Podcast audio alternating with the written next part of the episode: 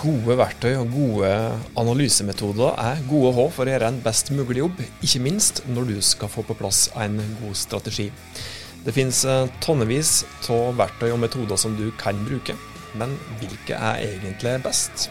I dag skal du i alle fall få tips til noen verktøy og metoder som er ordentlig, ordentlig gode å ha når gode strategier skal utarbeides.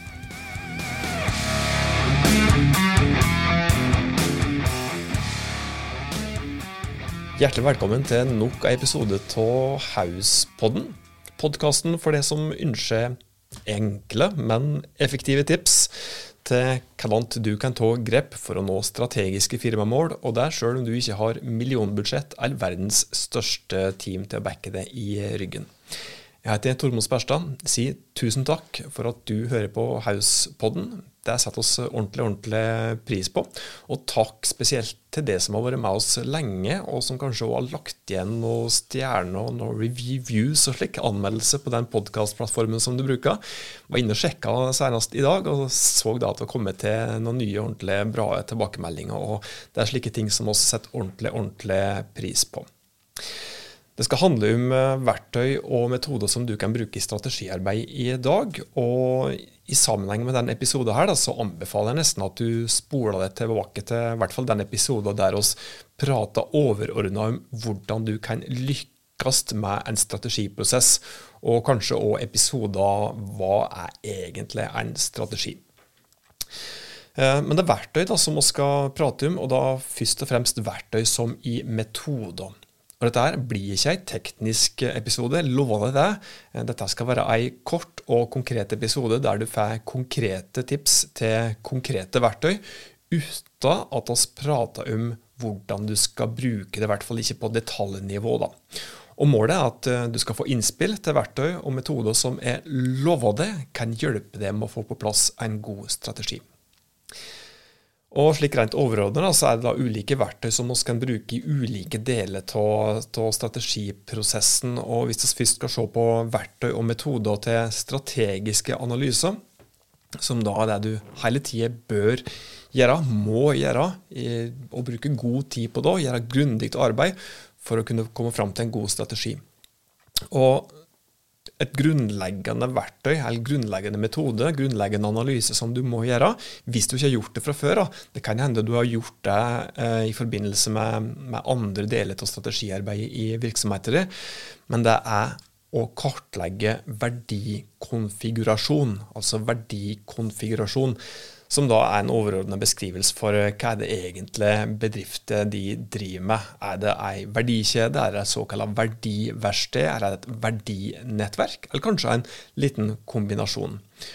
Og ja, Vi kan sikkert ha en egen podkastepisode om akkurat dette, her, men det å ha en bevissthet rundt hvilken verdikonfigurasjon du egentlig er, altså bedrifter som du jobber i, det er helt grunnleggende. Det bør du ha på plass eh, nesten uansett hva det, er strategi du skal utarbeide. Som en forlengelse av dette her, som òg er grunnleggende, så bør du gjøre en såkalt verdikjedeanalyse.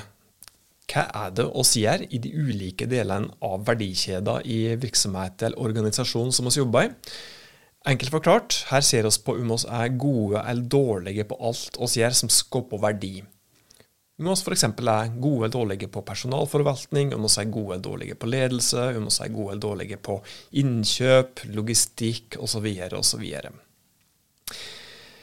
I tillegg, eller en annen metode, for å være mer nøyaktig og mer korrekt, en annen metode, et annet verktøy for å lykkes med strategien din, det er en analyse som vi har pratet om tidligere i Hauspodden, som du kanskje husker, som da er en såkalt Pestel-analyse. Her gjør du en analyse av omgivelsene. Eh, der du da egentlig, ja, Det handler om ekstern analyse da, på makronivå, der du ser ganske vidt rundt det. Og Her ser du på såkalte politiske, på økonomiske, på sosiale, på teknologiske, miljømessige og eh, lovgivningsmessige faktorer. Det er det som, eh, som altså Pestel er jo da P-en i Pestel er jo da politiske, og så har vi da gående en bokstav for hver eneste faktor som er ramset opp her. Da. Og det kan være ulike varianter av en slik bestellanalyse, eller ulike detaljnivå, da, der vi f.eks. kan gå i dybda på de ulike faktorene, f.eks. på de økonomiske faktorene, for å kartlegge grad av risiko og tidsaspekter. Og Hvis vi f.eks. gjennom bestellanalyser har kommet fram til at mindre kjøpekraft er en økonomisk faktor som vi må ta hensyn til, så kan vi se nærmere eller mer detaljert på når er det dette her, eh, når er det den svekka kjøpekraften blant eh, kundene våre vil ramme bedriften vår. Annet verktøy, annen metode som du bør benytte deg av når du skal utarbeide gode strategier, det er såkalt scenarioanalyse. Scenarioanalyse er noe som mange dropper, men som er ganske så nyttig. Veldig enkelt forklart så handler det om at du bruker ulike modeller for å se på bl.a. worst case-scenario eller best case, der du da ser på mulige bilder av hvordan omgivelsene våre ser ut i framtida for virksomheter, for organisasjonen vår.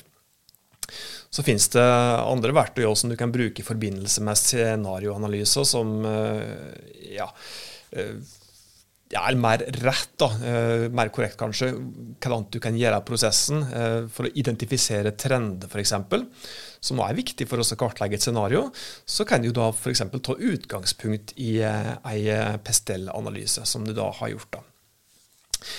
Når du skal drive med scenarioanalyse, så må du òg diskutere usikkerhet rundt ulike trender. altså Deretter så tar du utgangspunkt i de mest aktuelle trendene, kombinerer dem to og to i et såkalt scenariokryss. og Da er vi inne på en metode eller et verktøy til, altså scenariokrysset. Og Deretter så ser du da på hva er det som kan skje hvis de ulike scenarioene i, i dette her krysset blir realisert. I en slik scenariojobbing ser vi på flere ting òg, f.eks. hva er det konkurrentene våre kan komme til å gjøre dersom de ulike scenarioene blir realisert. Og Til slutt så tar vi da helt konkret tak i de mest aktuelle scenarioalternativet. Vi kan òg bruke såkalt fremskrivning som metode for å se litt inn i glasskula. Her bruker vi historiske data og legger til forlengelse da, for å få en pekepinn på hva er det som kan skje i framtida. Og enkleste måten å bruke fremskrivning på, eller enkleste verktøy kanskje, det er jo da rett og slett eh, Excel. Eh, og trendlinjer som du har mulighet til å legge til data i Excel. Da, da kan du faktisk uh, bruke det da, som et verktøy i, i fremskrivning. Det å gjøre en bransjeanalyse det er helt eh, grunnleggende og må være på plass når du skal eh, god, eh, få på plass en god strategi. Og her er det mest kjente verktøyet for bransjeanalyse Porters fem konkurransekrefter. En Porter-analyse. Det finnes litt ulike navn på, på den metoden der. Og Her ser vi på ulike såkalte potensielle inntrengere i bransjen vår og ser på konkurransesituasjonen og ser på forhandlingsstyrka til leverandørene våre og til kundene våre. Uh, nå prater jeg bare helt, helt overordna, så kunne jeg gått i detalj her òg. Og ser på ulike trusler fra ulike såkalte substitutt, altså noen som kan komme til å, ja, som driver med noe annet kanskje i dag, som kan komme til å erstatte måtte eh, f.eks. komme inn som en trussel, da, som som erstatning for ei tjeneste for eksempel, som oss leverer i dag.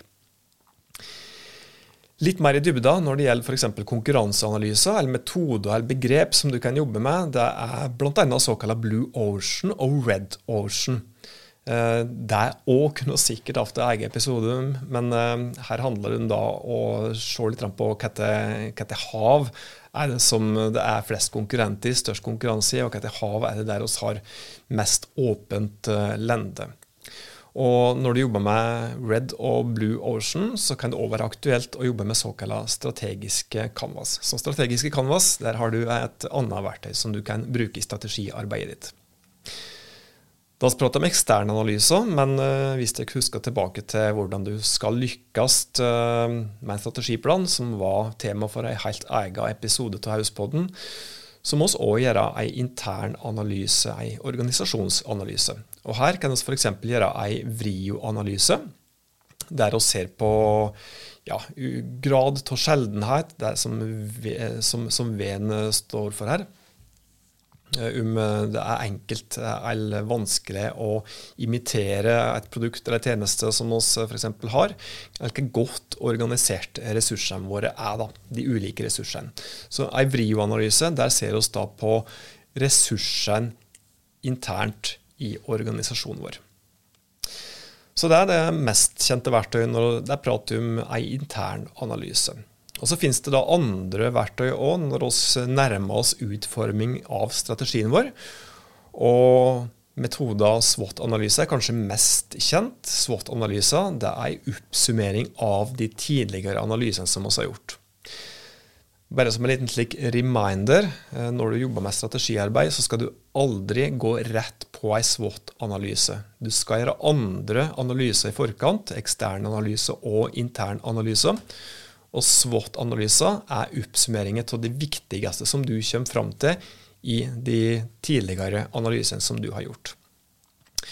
Og Det som òg kan være greit å gjøre, det er å gjøre såkalt Taos-analyse. For at Unnskyld. Eh, SWOT-analyse har gjerne noen svakheter. Og for å prøve å dempe de svakhetene, eller i hvert fall kvalitetssikre SWOT-analyser, så er det lurt å gjøre såkalt Taos-analyse. Det er andre ord og uttrykk også, som vi kunne ha tatt for oss i denne podkastepisoden, her, som er, gjerne er en del av strategiarbeidet vårt når vi skal lage gode strategier. Det handler om eh, misjon, det handler om visjon, det handler om forretningsmodell og forretningsidé. Vi kunne brukt ANSOF-matriser hvis vi skulle jobbe med en såkalt porteføljestrategi. Vi kunne jobbe med såkalt BCG-matriser for å kartlegge hvilke produkt eller tjenester som vi bør fokusere på. Og så kunne vi brukt eh, eh, noe som heter BC, eh, Balanced Scorecard, i strategiarbeidet vårt. Men det som jeg prater mest om, er da det i hvert fall grunnleggende som du bør jobbe med. Grunnleggende verktøy, grunnleggende metoder som du bør bruke for å lykkes med strategien din, for å logge en god strategi. Det var det som vi hadde å by på i dagens episode til Hauspodden. Som vanlig så blir vi ordentlig glade hvis du sprer det glade budskap, fortell om Hauspodden til en andre som du tror kan ha nytte av de rådene som oss kommer. Inntil oss høres neste gang, så må du ta godt vare på det og dine.